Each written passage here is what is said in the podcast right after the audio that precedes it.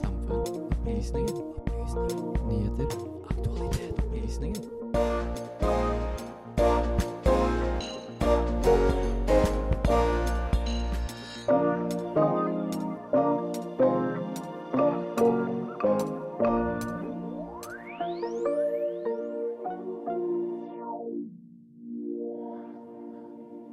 Russland har lidd store tap i Kharkiv-regionen. Hvordan slår de tilbake? Indonesias hovedstad flyttes 1200 km. Men vil realiteten leve opp til den utopiske drømmen? Og vi drikker kopp og kopp av det hver eneste dag.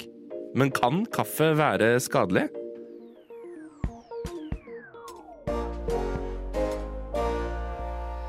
Hjertelig god fredagsmorgen og velkommen til Opplysningen 99,3 Radionovas samfunns- og aktualitetsmagasin, hvor vi også skal høre om briter som arresteres for protester mot Charles den tredje. Sander heter jeg, jeg skal lose deg trygt gjennom de neste den neste timen her på kanalen. Og ønsket jeg meg en time til med sendetid. Det fikk jeg dessverre ikke. Men heldigvis skal jeg heller ikke lose deg gjennom denne sendingen alene. For med meg i studio så er jeg to stykker som i dag gjør sin Opplysningen-debut. Frida Kristine Mogård og Runa Årskog. God morgen til dere. God morgen. Det er første, første sendingen her hos oss i dag. Hvordan har dere forberedt dere på morgenen i dag? Jeg hørte på forrige ukes, eh, forrige ukes opptak for å få et eh, godt eksempel. Var vel, eh, var vel mitt min, min forberedelse. Så du kommer nå til å kopiere det Helena Benjamin gjorde forrige uke? Ja, ord for ord. Ja. Det er direkte. Du da, Runa? Ah, jeg har hørt på mye musikk. Prøvde å slappe av. Drukket kaffe. Drukket kaffe? meg med det. Men har du fått noe mat i kroppen nå, eller? Ja, ja, ja. Spist to brødskiver. Ja. Det er liksom en uh, god balansert frokost. Ja, det er every day. To brødskiver, gulost. Har du spist brødskiver i dag, Frida? Nei, men jeg fikk en muffin i stad fra eh, redaksjonssjef, da. Ja, Hvorfor fikk du en muffin av redaksjonssjefen vår før i dag, Frida? Jeg vil bare at du skal ta det opp. Det, OK. Får meg til å være sånn sjølopptatt. eh, Ja. Ja, ja, nei. Nei, jeg har bursdag. gratulerer med dagen! Tusen hjertelig takk. Hvor gammel blir du? Fire eller fem? Jeg blir 34. Nei, Ja. Jeg, blir, eh, jeg blir 20 år. Men altså, 20 år, det betyr at du kan drikke sprit. Eh, Vi tar en tur på polet etter sending. Også. men vi har jo en tettpakket eh, sending foran oss i dag. Vi skal eh, også over hele verden, som vi ofte er. Vi skal innom Russland og Kharkiv-regionen. Vi skal innom Indonesia. Og vi skal en liten tur ned til Storbritannia. Men vi skal også besøke vårt kjære Østfold i litt deilig musikk fra Baklengs Alto. Dette er Tennis på Radio Nova. What did I think when Maduro took power? Well, he's a clown. finne et litt mer, litt mer nyansert språk der. Jeg tror vi bare skal forstå det sånn at dette dreier seg om teknologi. Du hører på Radio Novas samfunns- og aktualitetsmagasin Opplysningen. Hver fredag fra 10 til 11 på Radio Nova. Det har eh, gått et halvt år siden Russlands invasjon av eh, Ukraina, og mye har skjedd på den tiden. Faktisk er det mye som har skjedd bare de siste tolv eh, timene i eh, saken. Von der Leyen, altså eh, EU-kommisjonens leder, mener at Russlands president Vladimir Putin burde stilles for riksrett.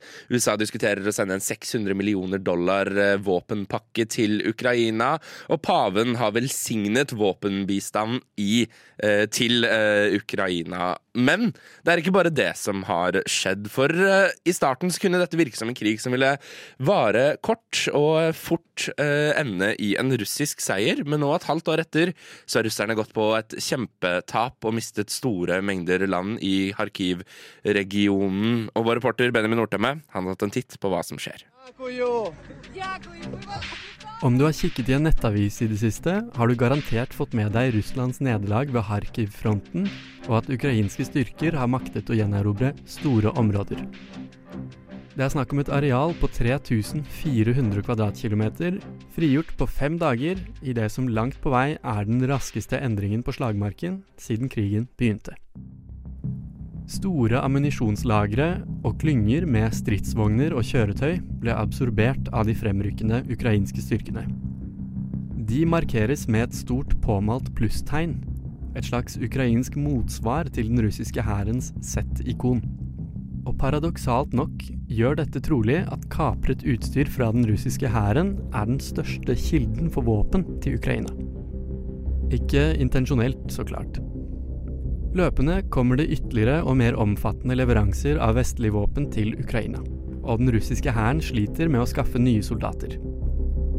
Umiddelbart er det to relevante spørsmål.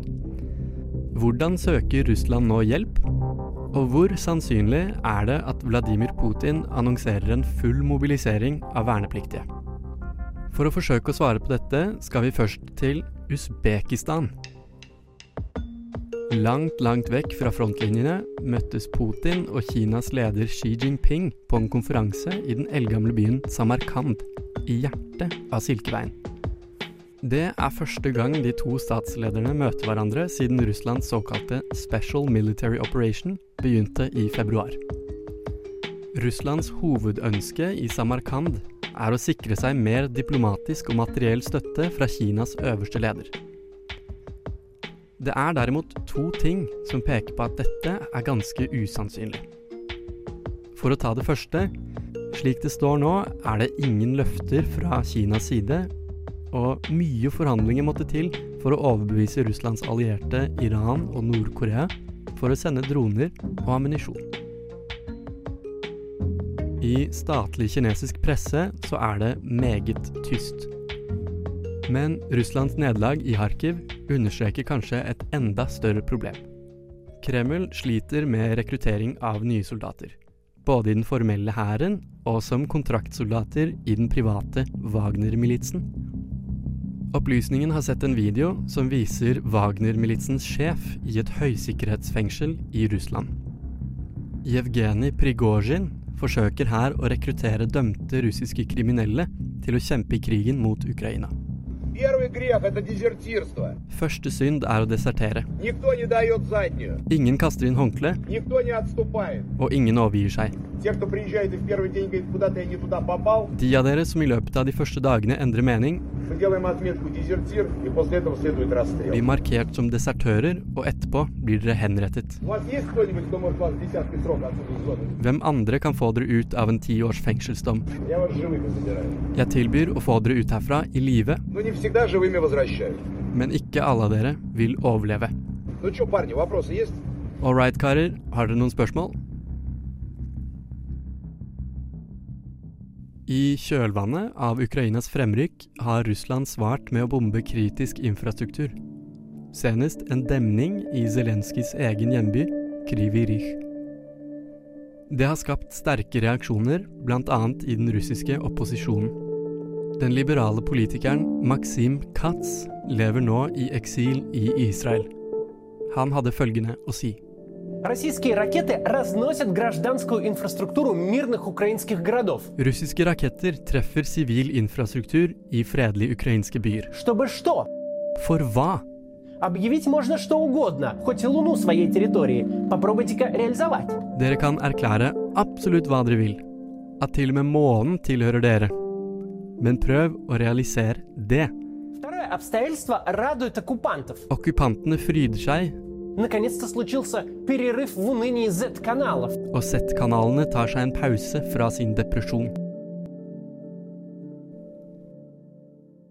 I tillegg til å være en dramatisk endring i krigens løp, er det mye ny symbolikk forbundet med Kharkiv-offensiven. Ja, så er det dette plusstegnet, da. For krigen i Ukraina kjempes også delvis med hvitmaling.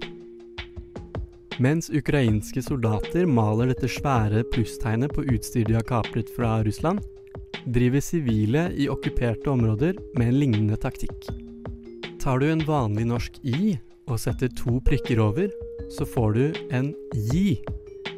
Ji er unik for det ukrainske alfabetet, og har derfor blitt et symbol for motstand.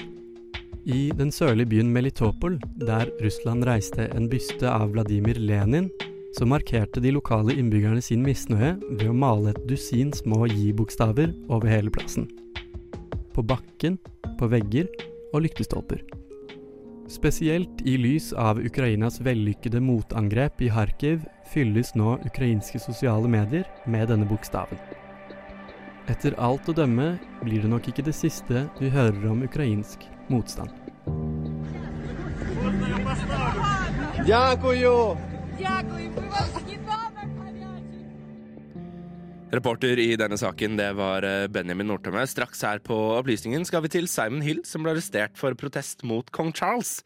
Hvorfor? Svaret får du etter Thea Malene, usagte ord.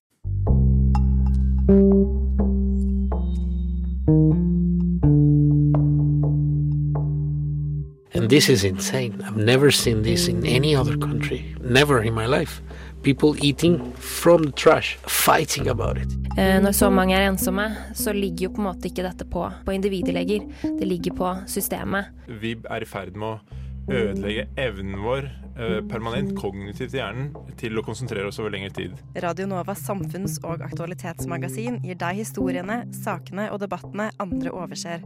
Aldri redd, alltid balansert. Opplysningen 99,3. Etter dronning Elisabeth 2.s død forrige torsdag ble Charles utropt til konge over Storbritannia og samveldene. I tiden siden har flere og flere trukket ut av gatene for å protestere, og av disse så har mange blitt arrestert av britisk politi. En av dem som har blitt arrestert, det er Simon Hill, foreleser, forfatter og aktivist. Simon, thank you so much for joining us. Oh, thank you. So first of all, could you please tell us where you were on Sunday the 11th? Well, I live in Oxford in southern England. I went to church on Sunday morning in the city centre, which I, I usually do. And uh, as I was leaving church, the city centre was essentially taken over by the organisers of a sort of military style procession and proclamation uh, of the new king because uh, Charles III, as they call him, had been declared king in London on Saturday. And according to law and tradition, uh, a new monarch has to be then proclaimed in cities around the United Kingdom uh, the next day. Uh, I suppose hundred hundreds of years ago, this would be how the how the news was was conveyed. Uh, but it's extremely old-fashioned ceremony with the local dignitaries um, uh, dressed in these sort of formal ceremonial uh, costumes that were almost medieval, uh, alongside military leaders and the Bishop of Oxford and so on. All right, so you've you've left church and you see this proclamation happening. What happens then? Where are you going into this planning to protest? I hadn't been planning a protest. I hadn't taken a banner. I hadn't encouraged people to go to protest. I could have done all those things, and I, I, don't think there'd be anything wrong with doing that. But I hadn't. I was in I was in the city centre to go to church, and as I left church, I was walking through the crowds, uh, trying to find my way through because some of the some of the roads had been closed off. So I was fairly near the proclamation uh, when it was made. I, I, wasn't right next to them. I was sort of at the back of the crowd. There were a few hundred people between me and them. Uh, the proclamation began by expressing grief for Elizabeth, the, the previous uh, queen, and I, I, wouldn't interrupt an expression of grief or an act of mourning for for anybody, whoever it was, whatever I thought of them. People have the right to grieve, and I wouldn't I wouldn't interrupt that. But then the, the High Sheriff of, of Oxfordshire, who was reading the proclamation, uh, began to proclaim that Charles was our only and rightful Lord and King, um, and that we owed him affection and obedience. And you know, this is these are the words that were used hundreds of years ago and are still used today. And I have a problem with being told who our head of state is without being asked, without being consulted uh, being told that I should give obedience to someone because of a because of who his ancestors were. So I called out who elected him. And a lot of people wouldn't have even heard this. I mean, it was very crowded and I was at the back. The proclamation carried on. Um, it didn't disrupt it in any real way. A few people near me turned and reacted. Uh, two or three of them told me to shut up. Um, I, I, said a head of state is being imposed on us without our consent. Um, and then very quickly, some uh, security guards appeared in front of me, told me to be quiet, and then started uh, pushing me away, physically pushing me. The police came. Uh, I, I, was grabbed by the police and uh, taken away and led down the street and handcuffed behind my back, uh, told I was being arrested and put into the the back of a, a police van. It was it was all all this was in a matter of minutes. I, I doubt it was as much as five minutes between when I said who elected him and when I was handcuffed and in the in the police van. So you're arrested and you're and you're put in the back of this police van. Why? I suppose you were told on what grounds you were arrested. Uh, under the British law, if you're arrested, the police are supposed to tell you straight away um, under what law you have been arrested. Um, so as I was being led away, they they did tell me I was being arrested, and I, think at that point they quoted the law, but I couldn't hear them. It was very noisy. Um, the uh, proclamation was still going on. There were some people near me challenging the police and asking why they'd arrested me. Um, and my own hearing is not uh, is not perfect. So amidst all the noise, I couldn't hear what the police were saying. When I was in the back of the police van, I kept asking the policeman who was nearest me what the grounds for my arrest were, and he said he didn't know, which is very worrying in itself. He said he would find out, but he was very vague about it. Only, only just before I was released did he confirm that I'd been arrested under the Police Crime Sentencing and Courts Act, which was passed only a few months ago in the UK and was widely seen as an attempt to restrict freedom of protest uh, by giving the police more power to arrest protesters. But actually, um, although the police told me that at that point, since then, when journalists have contacted the um, the, the the Oxfordshire police, the police have told them I was arrested under a completely different law, the Public Order Act from 1986. So it seems the police themselves aren't sure of the legal basis for arresting me, which is really worrying because in any you know in any democratic state, uh, arrest should follow a due process, and people should only be arrested when there's um, when there's clear, reasonable grounds for it. If the police can arbitrarily arrest people and not even know which law they're operating under, then that's that, that's really worrying. I think. But has there been? So you were arrested and uh, presumably released on Sunday. Is that right?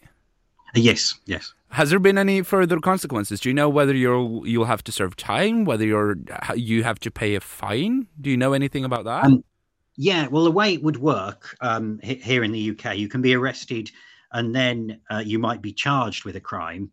And if you were charged with a crime, you would be taken to court. Um, now, I was released without being charged, uh, but I was told I might be called back for a police interview.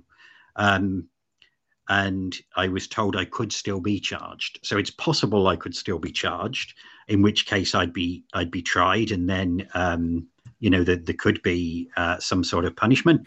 But uh, obviously, this is something you've been open about. You wrote a blog post on the day you got out, uh, and also yeah. tweeted a lot. How how has the response been to your story?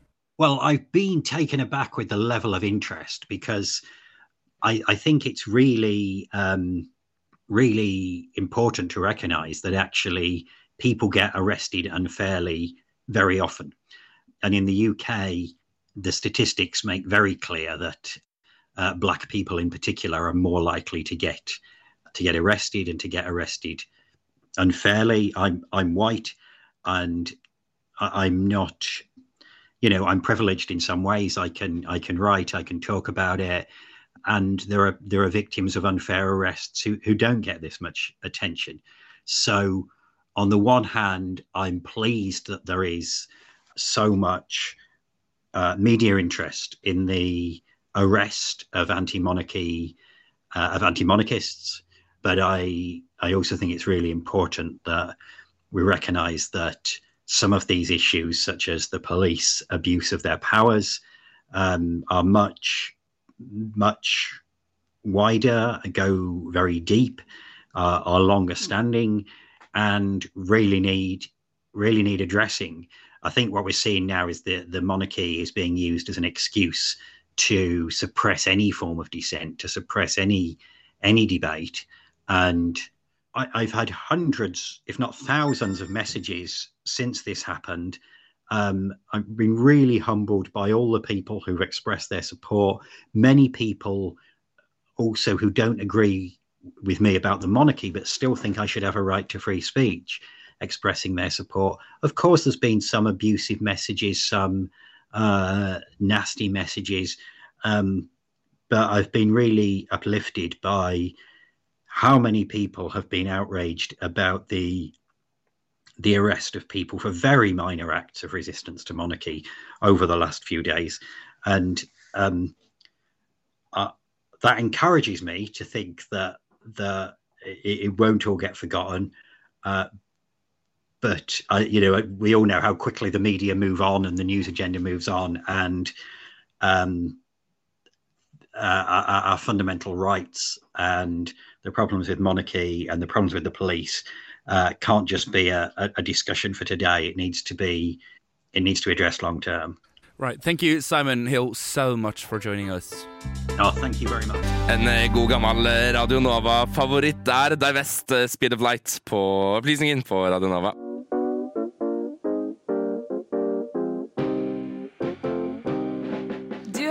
Radio Novas samfunns- og aktualitetsmagasin Opplysningen. Hver fredag fra klokken 10 til 11 på Radio Nova. Opplysningen på Radio Nova.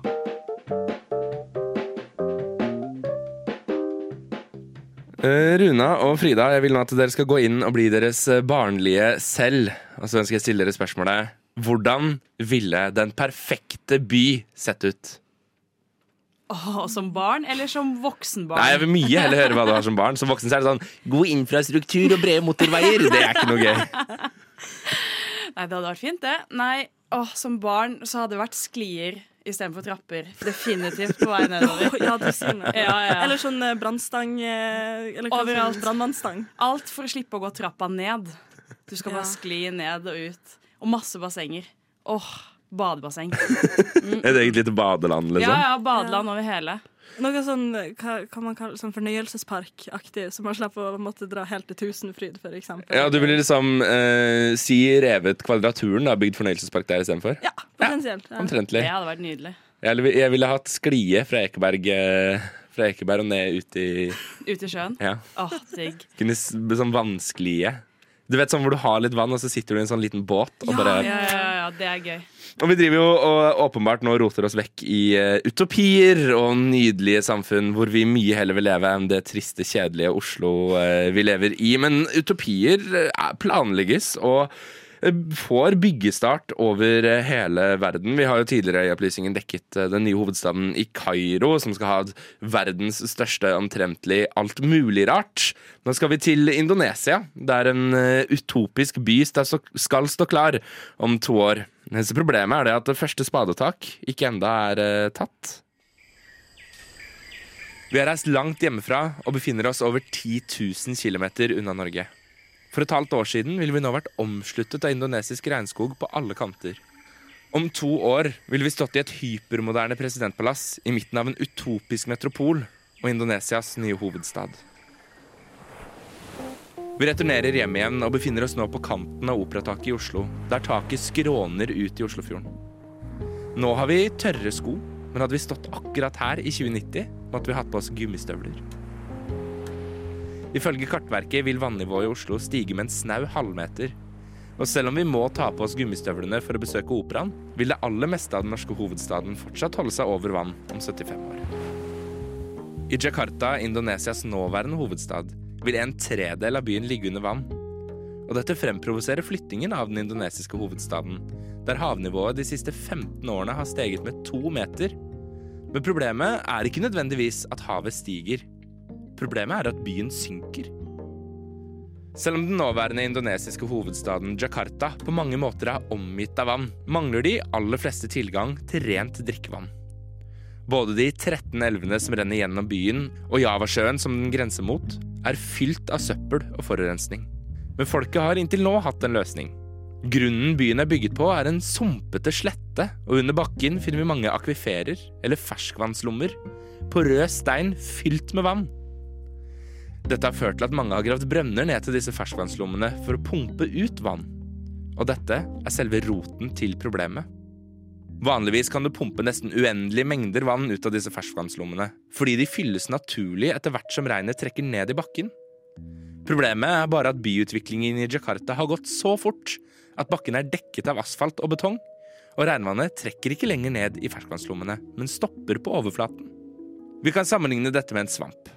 Når den blir tørr, krymper den sammen og blir mer kompakt. Og det samme skjer i bakken under den indonesiske storbyen. Og når bakken blir kompakt, synker også byen. Den synker med en hastighet på 25 cm i året. Men det er ikke bare den synkende hovedstaden som ligger til grunn for flytningen. Det handler også om fordeling. Øya Java er nemlig ikke bare hjem til hovedstaden, men også til majoriteten av Indonesias 273 millioner mennesker som har bosted på øya. På tross av å være den minste av Indonesias hovedøyer, utgjør den den største delen av Indonesias økonomi.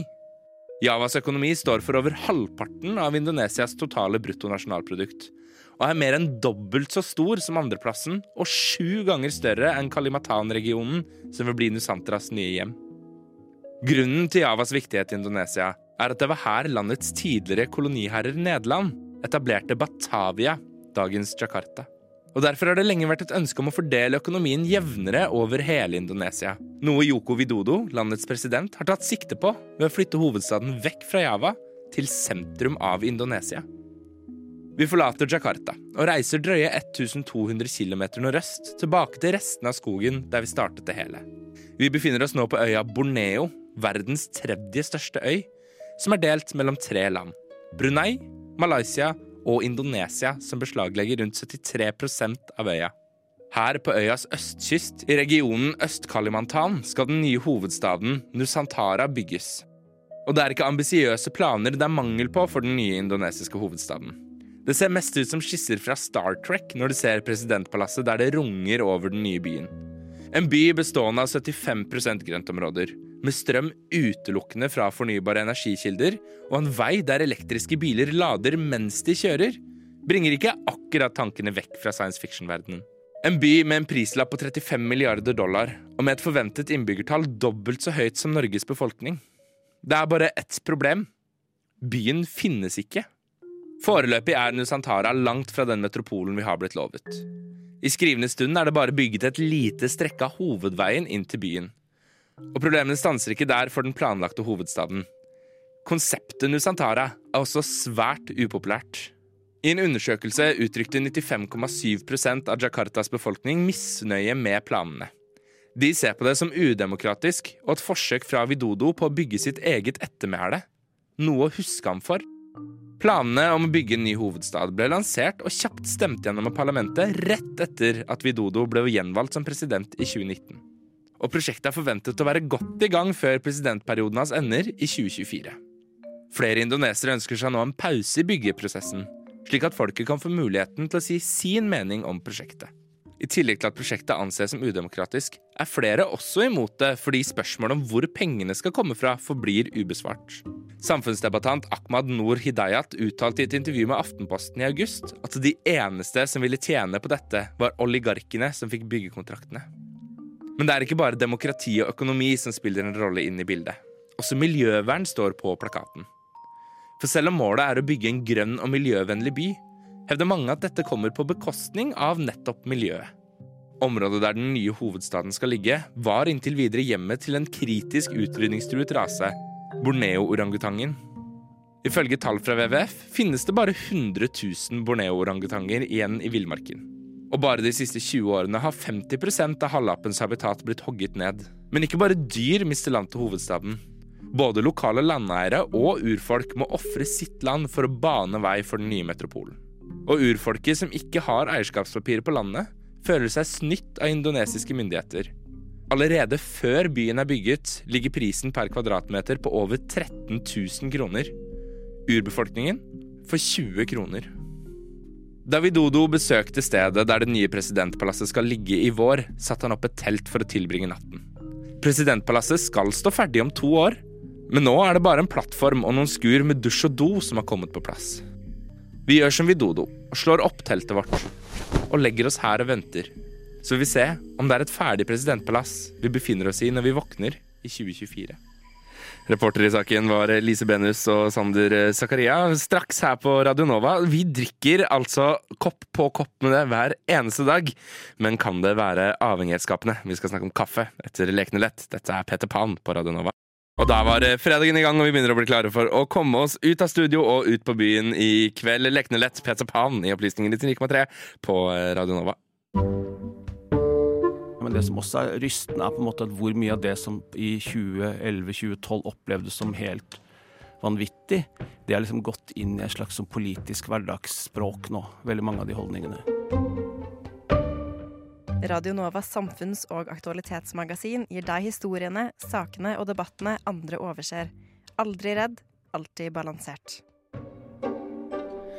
Jeg tenker vi skal prøve å drive med litt mer sånn hypotetisk tenkning, og kanskje prøve med litt sånn venstrehåndsregning. Runa, hvor mange kaffe, kaffekopper går det i løpet av en gjennomsnittlig dag?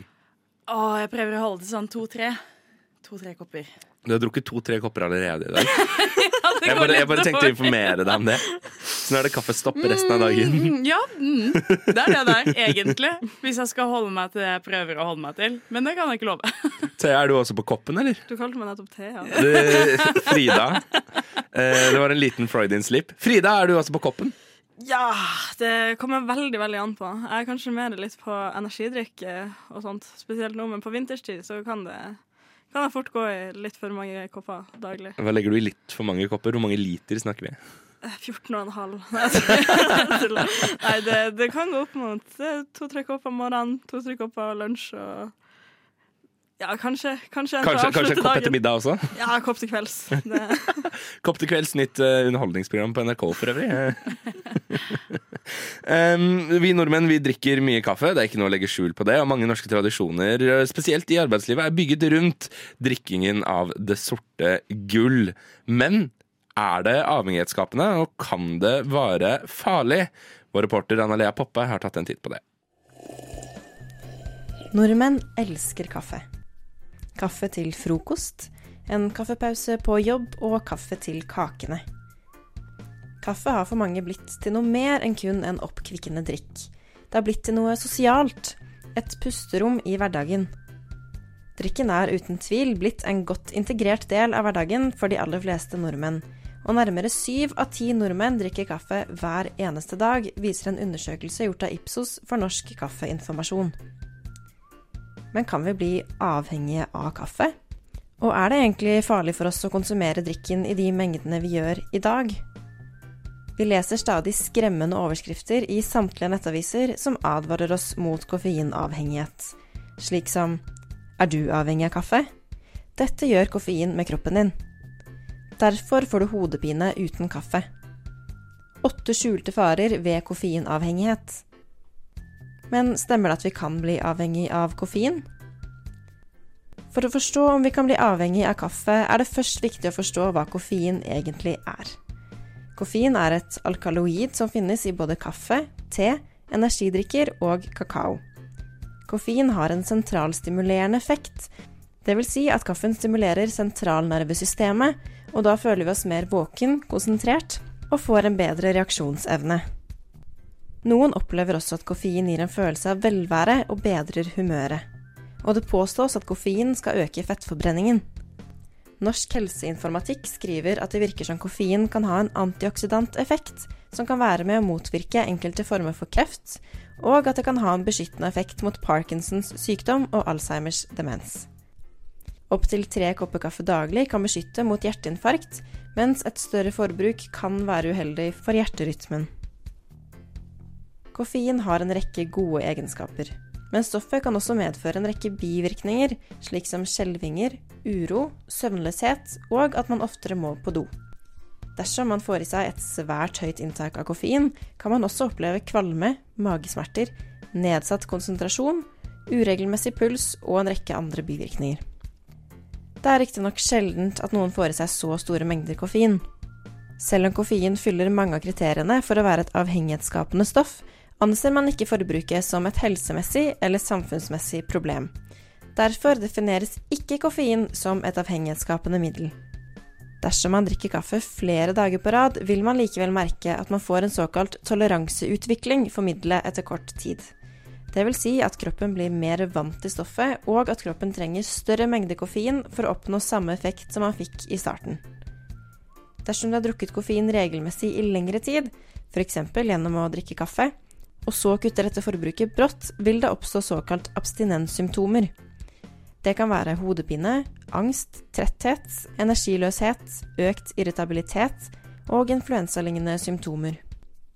Disse symptomene kommer vanligvis i løpet av et døgn dersom du kutter koffeininntaket brått, og vil være på sitt aller verste andre døgnet, for så å avta og forsvinne i løpet av en ukes tid.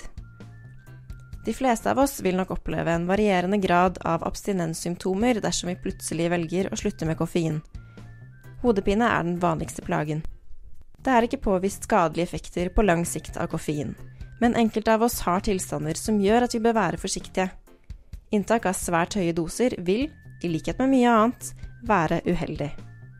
Dødelig dose koffein er ca. 8-10 gram per dag. Det tilsvarer ca. 60-100 kopper kaffe. Heldigvis er det svært uvanlig å drikke så mye kaffe i løpet av en dag, så de fleste av oss kan nok drikke kaffen uten bekymring.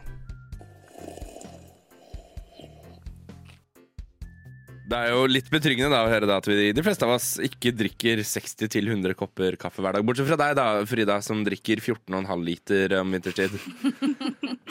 Um, men jeg tenker, ble du nå altså Runa, du nevnte jo i stad at du drikker tre kopper kaffe Ja, vi hver dag. Uh, vi kan godt si det. Det er helt greit for meg. Det er din løgn. Vi kan godt si at du drikker tre kopper kaffe hver dag. Uh, men du har jo drukket tre kopper allerede. Mm. Må du nå drikke fire i morgen, tror du? Nei, nei, jeg tror ikke det. Det kommer litt an på når man våkner hvordan dagen utvikler seg. Men uh, satser på at jeg holder meg til to-tre kropper i morgen òg. Ja, fordi at, fordi at Du måtte så grytidlig opp i dag. Det er det som liksom er problemet. Måtte opp uh, allerede klokka uh, hva da, halv åtte for å, å komme deg hit. Hardt studentliv. Hardt. Frida, blir du mer fristet til å drikke store mengder kaffe etter å høre dette? Jeg vet ikke, jeg vet ikke om det endrer så mye for min del. Det, altså, ja, bivirkninger og følger er nå én ting, men eh, er man trøtt og trenger en kopp, så er man trøtt og trenger en kopp, kan man si. Og det lar jeg bli siste ord i denne saken eh, for nå. Reporter, det var Anna-Lea Popp. Straks her på opplysningen, ja, da er det på tide å runde av. Men eh, før vi gjør det, så skal vi få litt deilig Radio Nova-musikk. August Rosenbaum, 'Seconds'. Neimen, Bertilla! Ja, Har du glemt å høre den siste episoden av Opplysningen på Radio Nova? har nok det. Men da kan du jo bare høre det som podkast når du vil. Å, det skal jeg jammen meg gjøre. Og eh, de glade toner betyr jo stort sett at eh, vi begynner å nå en slutten på vår tilmålte sendetid. Men frykt ikke. Toget går videre her på Radionova. Over til eh, studentnyhetene og dere, Sigrun. Hva skjer hos dere i dag? Og vi skal snakke om eh, litt forskjellig. Vi fortsetter jo videre toget med SHoT-undersøkelsen, hvor vi skal snakke om at eh, 30% av studenter ikke klarer en uforutsett utgift på eh, 5000. Og så skal vi gå inn og se på den nye visuelle profilen til, eh, til Forskningsrådet. Det er noe av det vi skal snakke om eh, i dag. Så det er med andre ord ingen god grunn til å skru av radioapparatet, men derimot en veldig god grunn til å bli sittende ved det. Runa og Frida, dere har gjennomført deres første sending her i Opplysningen. Hvordan syns dere selv det har gått? Liten sånn egenvurdering på slutten. Jo, det gikk helt uh, greit, det. Eller hva, Frida? Bortsett fra at jeg ble kalt Thea på lufta. Jeg syns det er kjempeflott. Det er veldig en god debut. Ja, eh, Vi tar kritikken. Den tar vi etter sending, tenker jeg. Eh. Da gjenstår det egentlig bare for meg å eh, opplyse om at medvirkende til denne ukes sending Det har vært Lise Mari Skogheim Benus, Emma Nordstein, Benjamin Nordtømme og Anna Lea Poppe. I studio Frida Kristine Mogård og Runa Årskog. Sander heter jeg. Det vil jeg for evig hete, håper jeg. Med mindre jeg bestemmer meg for å bytte navn. Da kommer jeg til å hete noe annet. Og jeg kommer til å opplyse deg først om det, kjære opplysningen lytter. Bli som sagt på lufta. Studentnyhetene de er klare rett etter oss. Og sjekk oss ut som podkast. De finner du der du finner podkaster ellers. God fredag.